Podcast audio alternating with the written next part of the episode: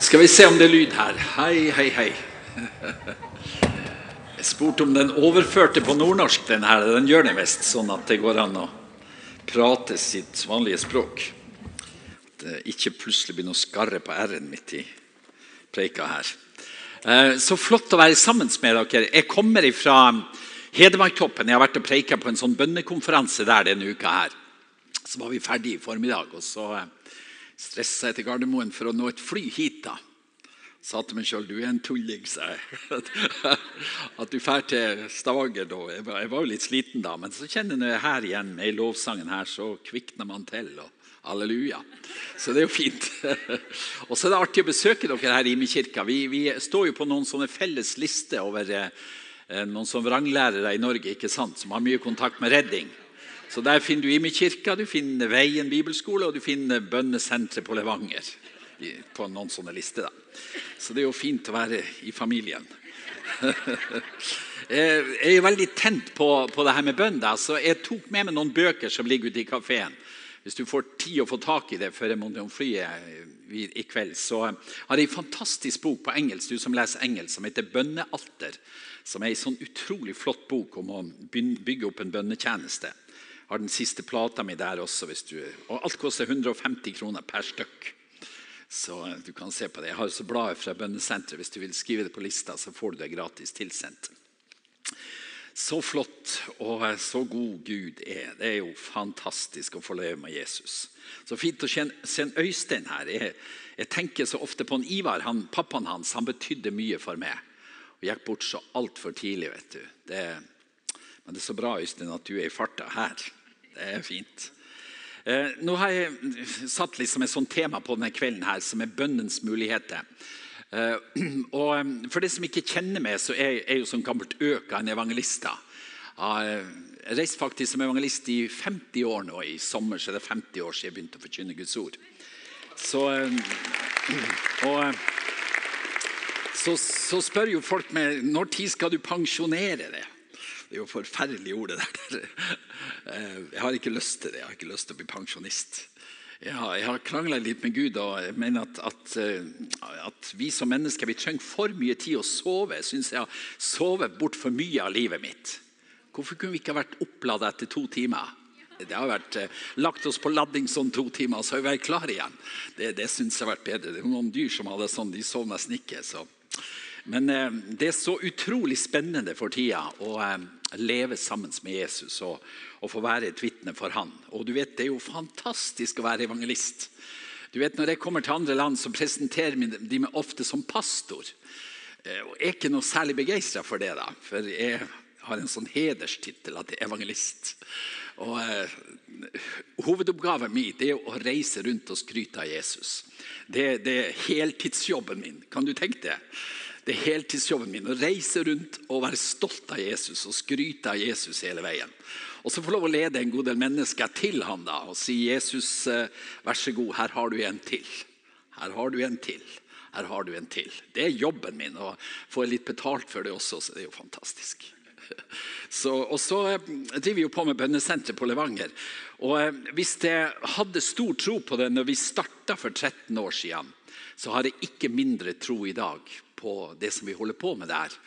Eh, Et bønnesenter som er reist opp med en visjon om å være med og prege Norge og eh, situasjonen i Norge gjennom bønn.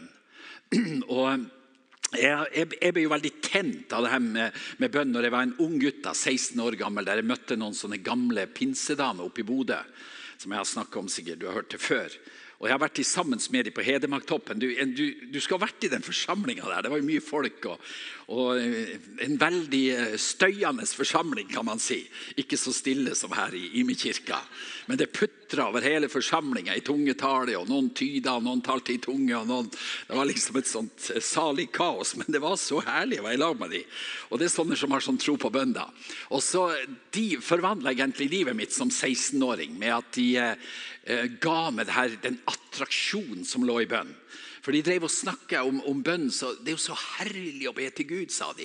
Det er jo så vidunderlig med bønn. Det er jo så skjønt å be, og, og så smatta de, og så ba de, og så ropte de 'Abba' og talte i tunge. Og, og jeg var 16 år gammel, og du, du, vet når du er 16 år, så suger du til det alt. Og jeg tenkte jeg vil ha tak i det her, som de her gamle bønnedamene har. Og Så begynte jeg å be, da, og de lærte meg om faste og bønn. Jeg begynte å faste en del og be, og, og så begynte jeg å oppleve bønnens herlighet. Og Siden har det prega mitt liv. Og Jeg bruker å si det at bønn er virkelig snadder. Hvis du, hvis du vil ha tak i noe som er godt, så eh, ta ut mer av den innfrosne kapitalen i livet ditt i bønn. For Det er fantastisk med bønn. Gud har gitt oss noe der som er så dyrebart, og som eh, er så viktig for vårt liv. Og Nå skal jeg bare si litt om mulighetene som du har på bønnens område. I 4. Eh, Mosebok 18 eh, 18 så står det noen fine vers. Det er om levittene. Må høre på det her. Fra vers 6 så sier Gud sånn her Det er jeg som tar ut brødrene deres, levittene, fra de andre israelittene, og gir de til dere som en gave som er overgitt til Herren for å gjøre arbeid i telthelligdommen. Det er jeg som tar ut brødrene deres, levittene, Altså Du tar de ut fra den store hopen av israelitter, og så sier han så gir jeg de tilbake til dere som en gave etter at Gud har salva de til den tjenesten som de skulle ha. Og jeg tror at Den største gave som Stavanger by kan ha, det er et sterkt bønnefolk. Den største gave Imi-kirken kan ha, er et sterkt bønnefolk. Den største gaven pastoren i Imi-kirka kan ha, det er et bønnefolk som er der og bærer og løfter i bønn. Og jeg tror at bønn gir oss sånne muligheter at det, det er helt ufattelig hva som kan skje gjennom bønn. Vi får jo oppleve det her med masse bønnesvar hele tida. Når du driver et bønnesenter, så kommer det ikke bare inn masse bønnebegjær, men det kommer inn masse takkelapper og takkebrev. At Gud har gjort det, og Gud har gjort det, og Gud har gjort det.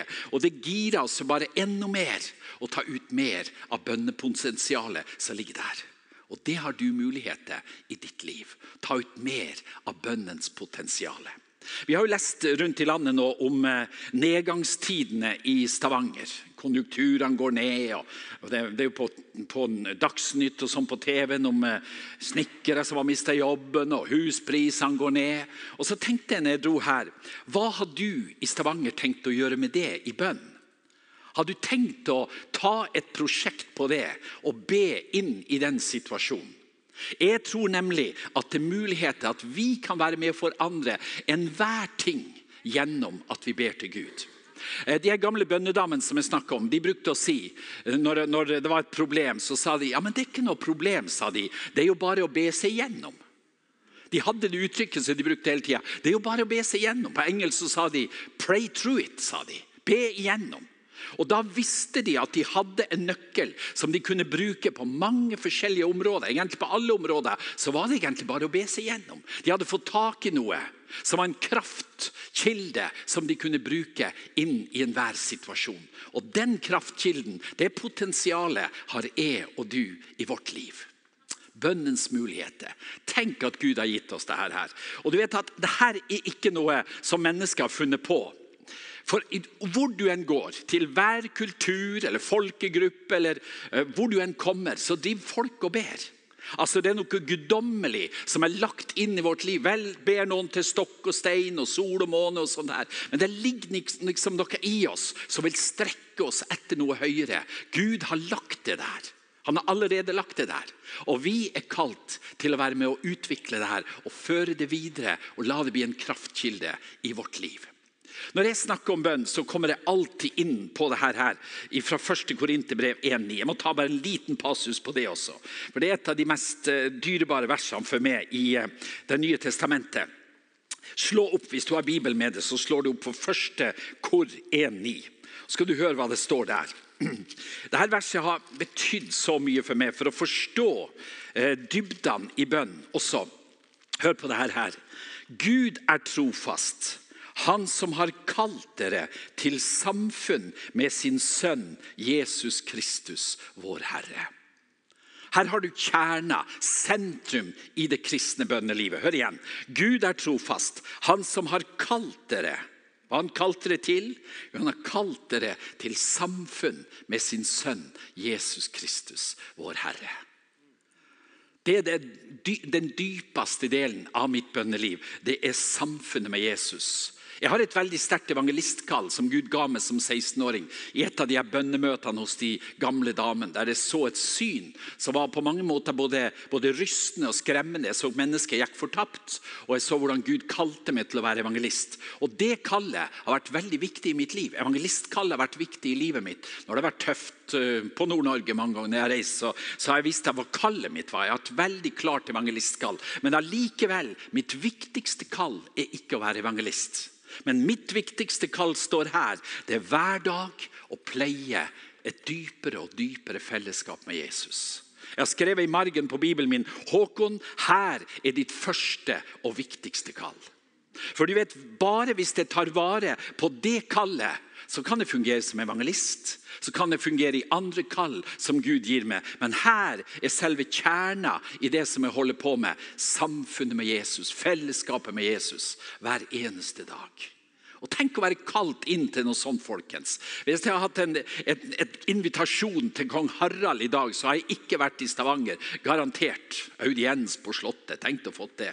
Det er faktisk noen gale bønnefolk som driver og jobber med at jeg skal komme til Slottet og snakke med kongen om bønn. Jeg vet ikke om det lykkes at jeg får en sånn invitasjon. Men det er klart, hvis jeg har vært invitert der, så ville jeg vært der. Men tenk at vi har en stående invitasjon til audiens hos kongenes konge hver dag fellesskapet med Jesus, være sammen med han og pleie intimiteten og fellesskapet med han. Det er vårt første og dypeste kall. Og så Ut ifra det så er det sånne muligheter når det gjelder ditt og mitt bønneliv, til å være med å forandre situasjoner gjennom at vi ber til Gud. Flere av dere som har vært på bønnesenteret hos oss, som har kommet nå her i dag og sagt at det er så flott, det er en sånn sterk atmosfære der oppe. Og, og det er jo det, ikke sant? Sånn er det jo, dere som har vært på Levanger. dere vet det. Og Det interessante med bønnesenteret som vi holder på med, det er at det er blitt et sted der mange tusen mennesker kommer i løpet av året til oss. Levanger-avisa hadde et oppslag nå der det sto den plassen i Levanger som drar mest folk utenfra til Levanger, det er bønnesenteret. Det er jo positivt, ikke sant? At en sånn plass kan dra folk til byen som vi har. Og, og Det som skapes gjennom bønn på bønnesenteret, er jo det her gudsnærværet nærheten ifra himmelen. Vi hadde besøk av David Campbell for en tid tilbake. Han har jo vært her i, i Stavanger også, den flotte biskopen fra Elim Church i, i, London. Og så når han kom inn døra på, på bønnesenteret, så stoppa han plutselig opp og sa Oh, son, this is a thin place. This is a thin place.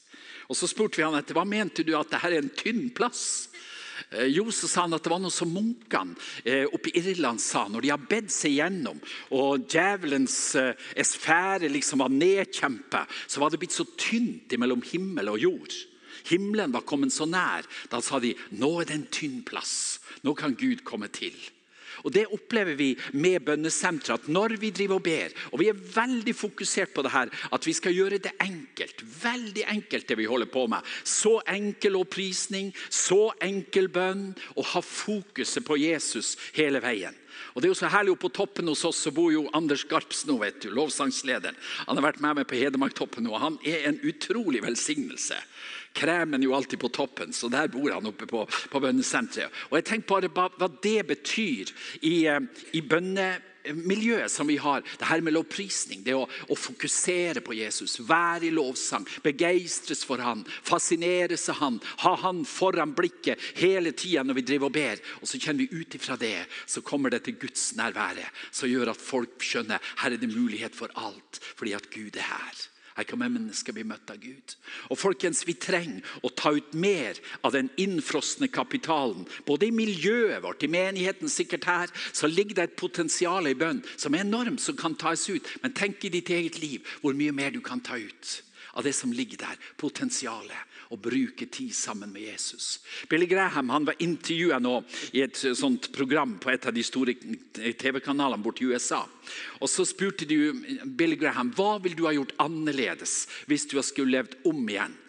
Og Så sier Billy Graham da vil jeg ha preika mindre og brukt mer tid sammen med Jesus.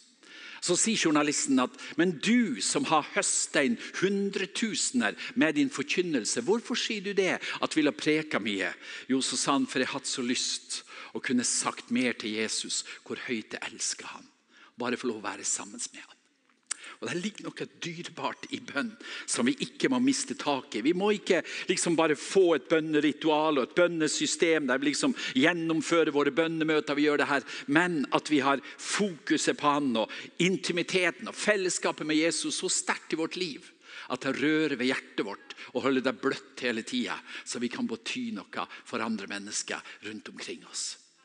I Bibelen er det jo utrolig sterke løfter når det gjelder bønn. Og Mange spør meg hvorfor er bønn så viktig. Eh, altså jeg tror at bønn er så viktig for at all bønn er å ydmyke seg for Gud. Når du bøyer dine kne, når du bøyer deg for Gud, når du går inn i bønn, så er det alltid en ydmykelseshandling der ydmyker det. Og så er bønn også et rop om hjelp, der du roper 'Herre, jeg klarer det ikke sjøl'. Du må komme og hjelpe meg. Du må gripe inn i situasjonen. Og Da tror jeg at far han vil si nå trenger han Håkon hjelp. Nå driver han og ber igjen. Da vil jeg sannelig eh, møte opp og, og hjelpe ham. Og Så blir det et signal mot himmelen som drar Guds hjelp ned til oss. Og Så blir også motsatsen å ikke be. Det er et veldig sterkt signal opp mot himmelen når vi ikke prioriterer bønn. Så sier vi veldig sterkt opp til Gud at eh, 'jeg klarer meg sjøl'. Jeg behøver ikke din hjelp. Jeg er jo ikke en av de typene som trenger å rope om hjelp. Og så kan godt far i himmelen si at ok, da klarer han Håkon seg sjøl. Da kan jeg være oppsatt med, med, viktigere ting som jeg kan gjøre, enn å, enn å gripe inn der.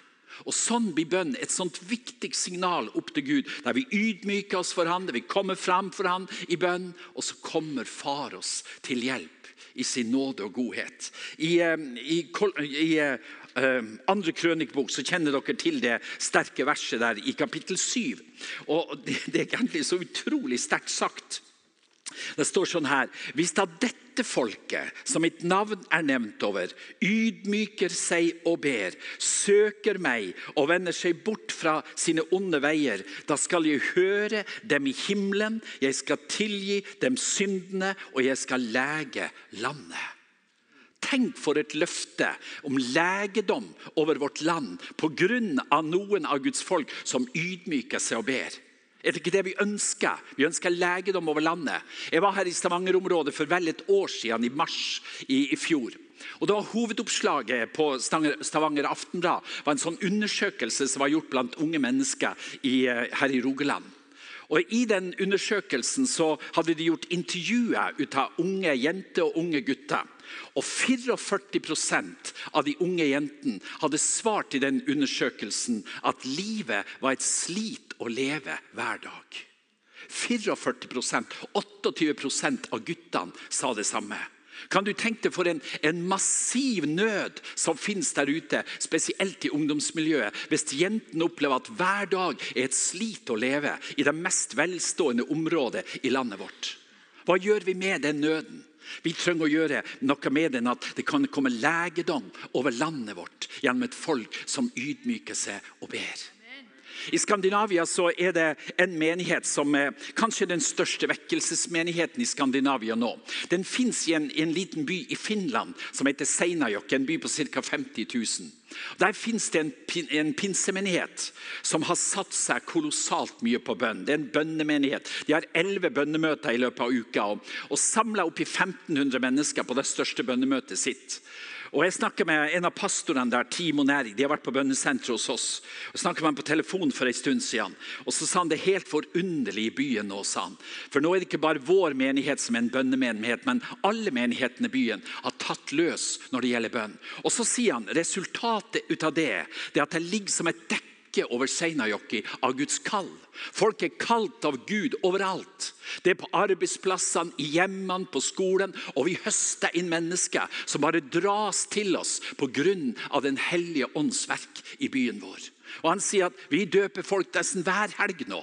Og vi, vi, vi, må utvide kirkelokalet. Vi har for lite plass fordi mennesker strømmer til. Og Den eneste grunnen til det sier han, det er at vi ber til Gud.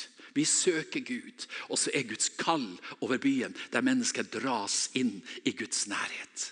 Og Vi, vi som moderne mennesker vi, vi, vi syns det her eh, går jo ikke an. Det er Mange som sier til meg at ja, men du kan jo ikke bare be. Og Så gir man litt sånn miskreditt til det her med bønn. Du kan jo ikke bare be, du må jo gjøre noe annet. Og vi, vi gjør jo masse annet. Jeg er masse ute på gata, er mye sammen på mange forskjellige måter å evangelisere. Men jeg ønsker ikke ikke å skape miskreditt til, til viktigheten av bønn. At det å be er så utrolig viktig for å forandre åndsatmosfæren på stedet der Gud har satt oss. Jeg fikk nåde fra Gud å stå i en veldig sterk vekkelse i Finnmark i 88 og 89. Sto i mange uker der oppe og, og fikk høste inn mye mennesker.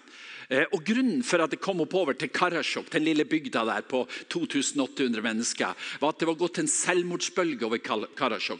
Tolv unge mennesker hadde tatt sitt eget liv på ganske kort tid. Og Egentlig var det myndigheten som sa at nå må de kristne komme og hjelpe oss. Vi får det ikke til, vi klarer ikke å stoppe det her.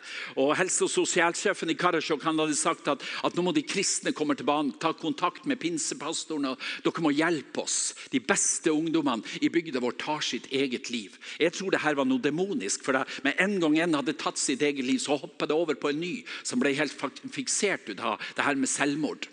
Og så kom vi opp, Jeg tok meg med ti ungdommer, så reiste vi opp dit og så begynte vi å evangelisere. Det var overalt det gikk an å få putte inn evangeliet. Der var vi. Vi var masse på skoler, vi var på diskotekene, vi var på pubene, vi var ute på gata. Vi for overalt og prøvde å gjennomevangelisere Karasjok den tida med de her frimodige ungdommene. Og det var fullstendig stengt. Ingen, ingen respons. Og når, folk, når, vi inviterte folk til Pinsekirka, så flirer de av oss. Tror dere at vi skal sette føttene våre inn i Pinsekirka?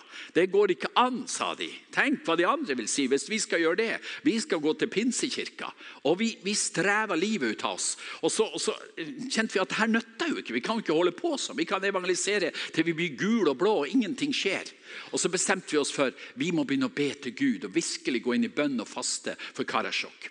Og Så begynte vi å faste og be. da, og Vi fikk med oss sånne sterke forbedere. Blant annet en dame fra Bergen som hadde vært misjonær i Kina. Hun flytta inn i, i, eh, kirka der på madrass og var der natt og dag i bønn. Og, og Vi ba og vi putra og vi ba og vi fasta og vi herja på der. Og så Plutselig så er det en lørdags formiddag mens vi holder på med det her. Så ringer det en sånn gammel forbeder som har drevet og bedt for meg opp gjennom livet, til meg fra Trondheimsområdet. Hun kommer selv fra Karasjok. Og så sier hun det at eh, i dag, sa hun, når jeg var ute og gikk med hunden min, sa hun, så eh, fikk jeg et syn der jeg så at i kveld så kommer den første vekkelsesbølga over Karasjok. Uh, og så, så jeg, jeg, jeg, var så skeptisk og hadde syntes det hadde vært så tungt. Så jeg, ja, men så sa jeg, tror du det går an? Det er jo så hardt her. Vi, vi kommer ikke igjennom. Jo, sa hun, du skal se. Det kommer til å skje. I kveld så kommer det. For Gud har visst meg det så klart. Hun er ei dame som jeg har respekt for. Hun er en sånn sterk, sterk bønnedame. Og så opplever vi den kvelden der, den lørdagskvelden der at kirka fylles av unge mennesker. Eh, de ble så fullt at de står ut gjennom gangen. Og, og Noen hadde med seg brennevin inn i kirka, og noen røyka i gangen. Og, og Den gamle pinsepastoren han var sjokka. Han sa det her må være djevelens verk. At de har med seg brennevin i kirka, og de røyka i kirka mi. Men vi, vi kjente jo lukta av syndere, vet du, og det var jo så herlig. Og så, og så når jeg sto der og inviterte, så kommer de seks-sju første og tar imot Jesus og så braker det løs.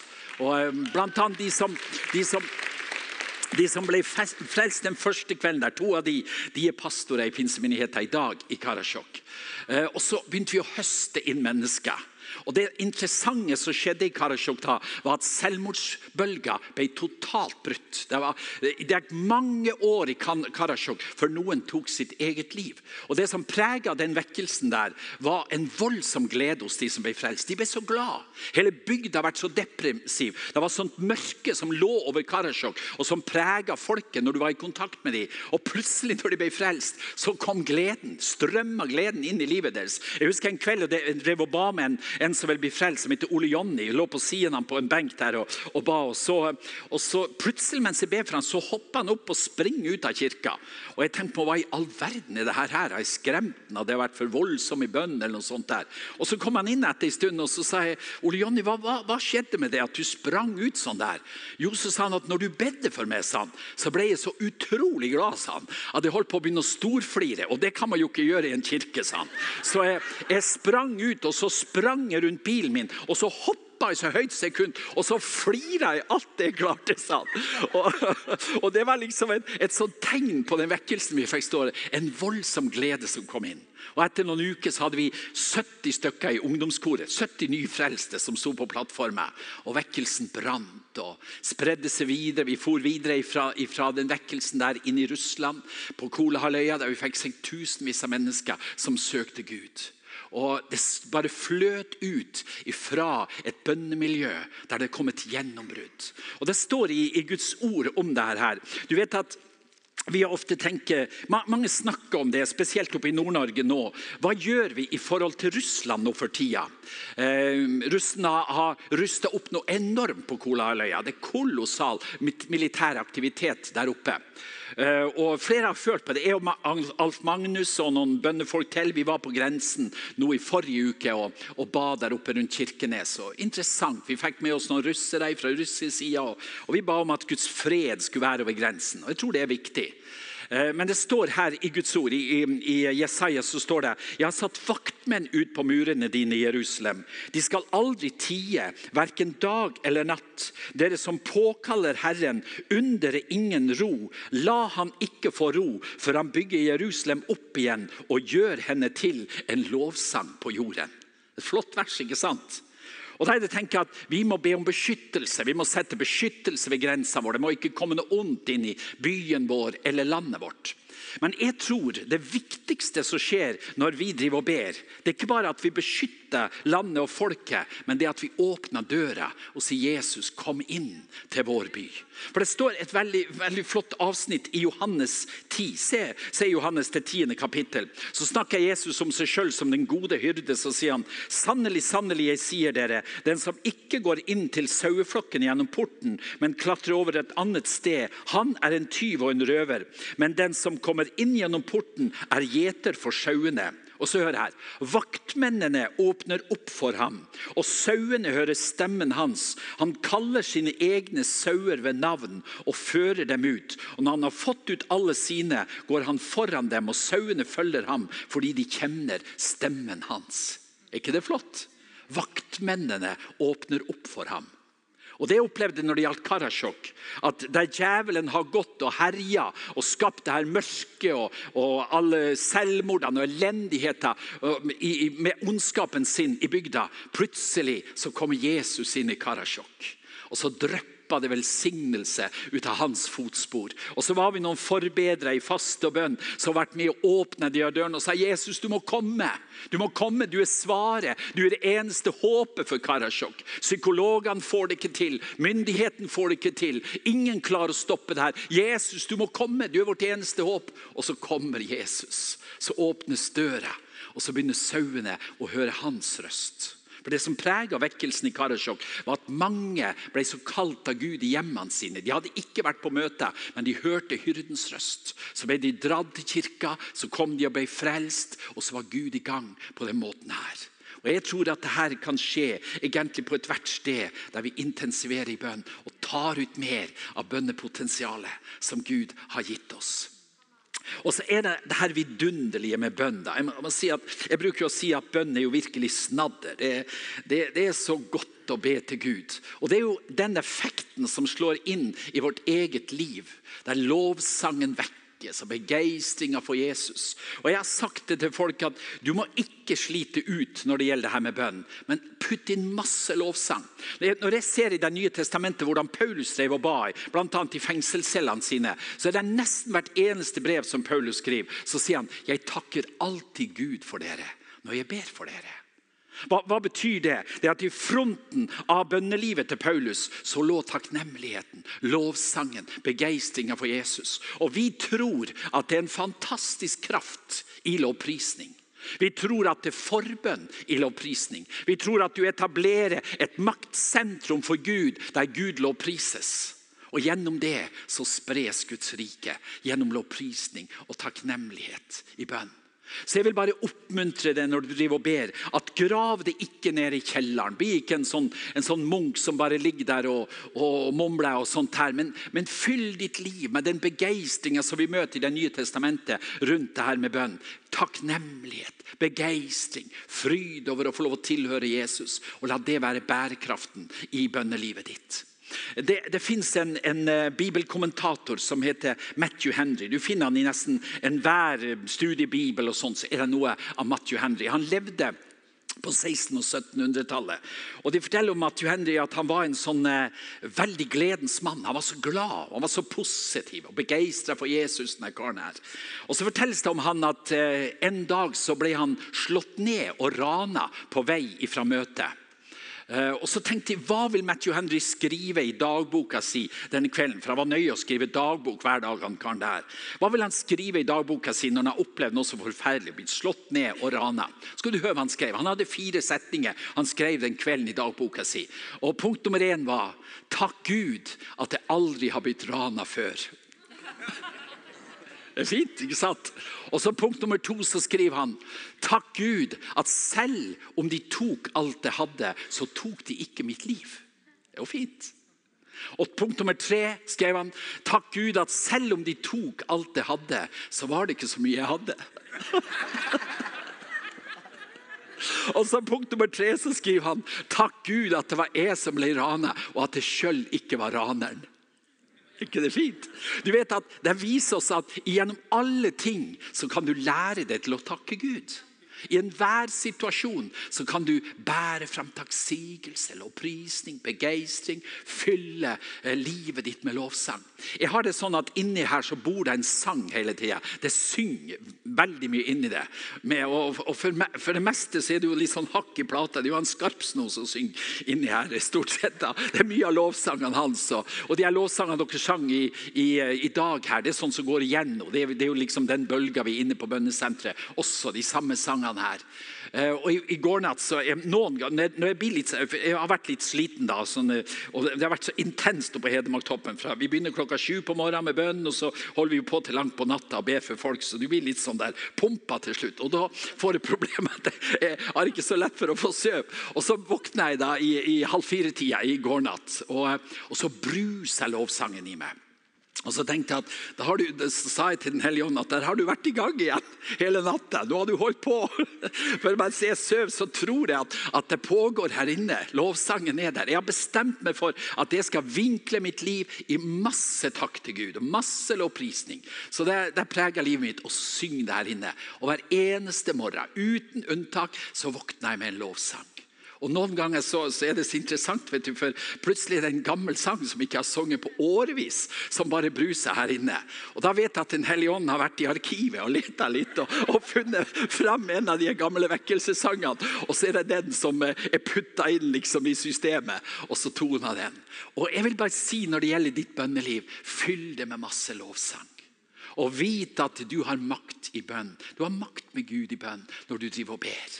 Og se ikke smått på dine bønner. Jeg hadde noen bilder med meg. Klarer vi å få frem de bildene? Jeg har noen bilder fra Ukraina. Jeg kom akkurat fra Ukraina nå. Jeg har vært og åpna et eldresenter som vi har, vi har, bygd der nede.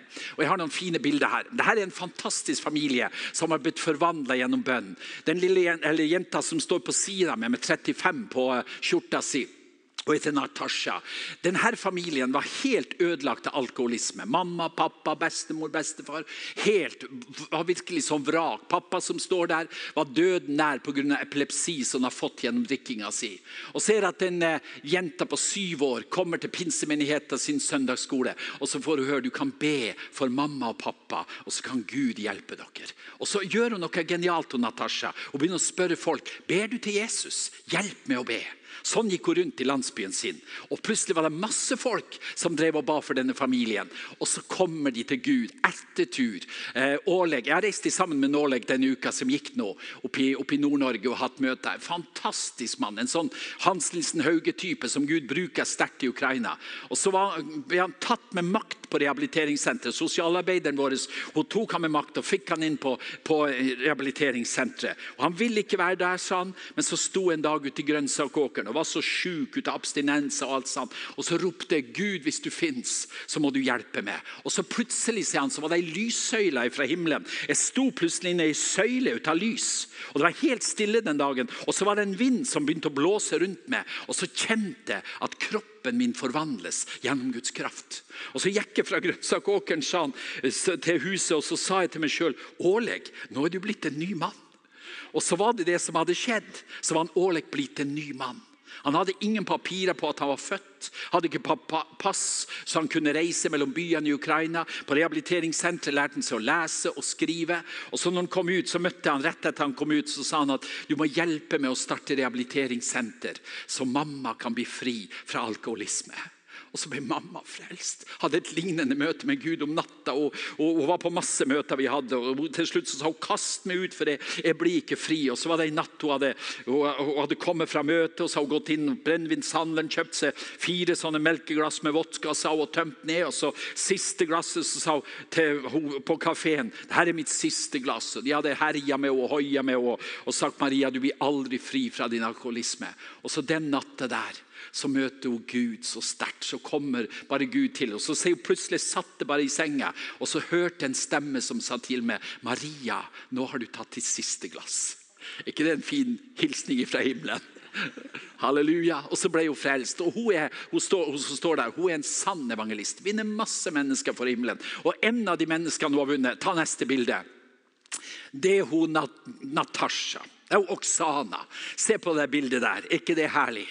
Eh, Oksana hun har Downs syndrom og bodde i nabolaget til Oleg. Og, og I Ukraina så er det sånn at hvis du får et sånt barn, så stenger du de inne. Hun har vært atskilt fra foreldrene sine, vært mest på institusjon.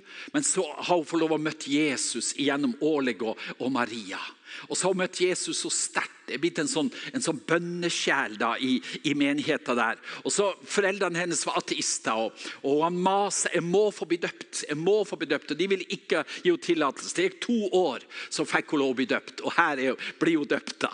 Og Jeg var med på den dåpen, og det var så sterkt. Jeg, jeg, sa til han pastoren døper du folk for andre gang? Nei, det gjorde han ikke. Jeg har lyst til å, å bli døpt i samme vannet som Natasha, for det her er så sterkt.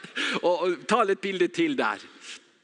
Her hadde vi stor fest etterpå der Natasja var døpt. Dette er menigheten. Mye av det her folket ser er sånne nyfrelste folk som har møtt Jesus det siste. Ta et bilde til. Eh, så har vi et, et, bilde til der. Og dette bildet er så sterkt for meg. For uh, Natasha hadde bedt for mamma og pappa i alle de her årene at de måtte bli frelst. De var kommunister og ateister og, og veldig sinna på pastoren, for de mente de hadde hjernevaska Natasha med at hun snakka om Jesus hele tida. Sto tidlig opp om morgenen og ba. Og sånt her. Og så hadde hun bedt for pappaen sin. Og i august i fjor, på det her, i det, det her bildet her, så har jeg akkurat for ti minutter siden så jeg hadde fått bedt med han til frelse han der karen. Den der harde kommunisten. Og så ba hun, Natasha en sånn glede over at pappa har blitt frelst. Og hun her hun driver og ber. Hun har et veldig sterkt bønneliv. Og Pastoren i menigheten han sier at ofte når jeg har eh, formiddagsmøter i menigheten, så kommer hun Natasha. Da har hun vært i bønn fra klokka fem på morgenen, og så kommer hun med profetiske ord som er så rett inn i mitt liv. Og så forteller det bare hva bønn er egentlig. At Bønn er ikke de som får deg til, de som kan det, de som liksom er, er utdanna i det her. og liksom, Der har du de sterke bønnekjempene. Men hun der hun er virkelig en bønnekjempe for Gud, som er forandre ting med sitt bønneliv. Og Vet du hva det står i Salme 102? Det står at Gud han hører de elendiges bønn, og han lytter til fangenes sukk. Sånn er vår Gud. Og Hvis du er her i dag som kjenner på at ja, men mine bønner Tenk om Bill Johnson kunne ha bedt for meg. Tenk om Svein Magne Pedersen kunne ha bedt for meg. Tenk om Benny Hinn har lagt sine hender på det. Sånn er det mange som tenker. Men du skal begynne å tro på din bønn. At din bønn kan være med å forandre situasjonen. For Gud har gitt kraft til din bønn til å være med å forandre ting i denne verden. her. Han som hører de elendiges bønn og lytter til fangenes sukk. Tenk at en sånn far har vi. Og gjennom det at vi ber, så vil ting forandres. Nå skal jeg slutte av her. Jeg ser klokka den er helt desperat i kveld, så jeg må, jeg må prøve å, å få rodd meg i land. Men hør her fra 2. Korinterbrev 10. De gir svaret på hva, hvor kraften i bønnen ligger. Hør her i det tredje verset her. Eh, Vel, sier Paulus, går vi fram på menneskelig vis. Vi er som mennesker. Men, sier han, vi kjemper ikke med menneskelige midler. Hør du det? Det? Vi kjemper ikke med menneskelige midler. For våre våpen er ikke fra mennesker, men de har sin kraft fra Gud og kan legge festninger i grus. Vi river ned tankebygninger og alt stort og stolt som reiser seg mot kunnskapen om Gud, og vi tar hver tanke til fange under lydigheten imot Kristus. Så sterke vers. Hører du? Hvor er, hvor er, styrken i ditt og mitt bønneliv? Er det hvor dyktig du er å be? Er det hvor utholdende du er i bønn? Er det hvor flink du er å få det her til? Det er ikke det hele tatt i den enden. Men alltid så er styrken og kraften den er i andre enden av vår bønn. For det står her at vi kjemper ikke som mennesker gjør. For våre våpen er ikke fra mennesker. Bønnens våpen er ikke et menneskelig våpen, men det har sin kraft fra Gud. Og derfor kan det legge festninger i grus. Hva er det så sterkt med at uh, Oksana driver og ber? Hvor er styrken? Hun hun er regna som ingenting i det ukrainske samfunnet, men hun har makt med Gud i bønn, denne dama her. Fordi at Kraften ligger ikke i hennes menneskelige potensial, men kraften ligger i andre enden, der det fins en far i himmelen som elsker å svare på bønn, og som har kraft og makt nok til å gripe inn når vi ber og ber. Og Derfor skal du tro at mine bønner, dine bønner, kan forandre ting omkring oss. Så det er muligheter, folkens. Og Tenk på det innfrosne kapitalen som fins i ditt liv. Hvor mye har du tatt ut av den? Kanskje du skal ha en del som står på sperra konto, som du kan begynne å ta ut, ut av bønnekapitalen som finner der. Bare si til Gud at jeg ønsker å bruke mer tid med det. I lovprisning og tilbedelse og bønn. og Bare sauses mer og mer inn i fellesskapet med det. Og så ut ifra det så vil du bruke det potensialet som fins i mitt liv, til å forandre ting gjennom bønn. Herre, vi takker deg for din godhet imot oss. Takk at du har gitt oss bønneveien. Takk, Herre, for selv om det var sagt i lovens tidshusholdning, så kalte du deg for nådens og bønnens ånd. Og Jeg ber Herre at du skal hjelpe oss å ha et nådebasert bønneliv. Der det alltid er tilflyte fra himmelen og det som du gir, Herre, som får lov å være drivkraften i at vi driver og ber. Takk, Jesus, for fellesskapet med det, som er så dyrebart. Takk for det skjønne intimiteten med det, Jesus, som vi, som vi kjenner, vi som har møtt det. at Vi, vi går aldri trøtt av det. Det er så, så sterkt å få møte det og kjenne og være sammen med det igjen og igjen. Og Jeg ber Herre at ut ifra det så skal du bruke oss som redskaper i bønnetjenesten. Og være med og se at Norge blir et forvandlet land. Fordi at du åpner dører til dette landet. Du vandrer sjøl inn i Stavanger, i de byene som finnes her, og som har en sånn nød på mange vis, Herre, som trenger å berøres ifra himmelen. Kom, Jesus, og bruk oss som ditt folk. Bruk meg, Herre.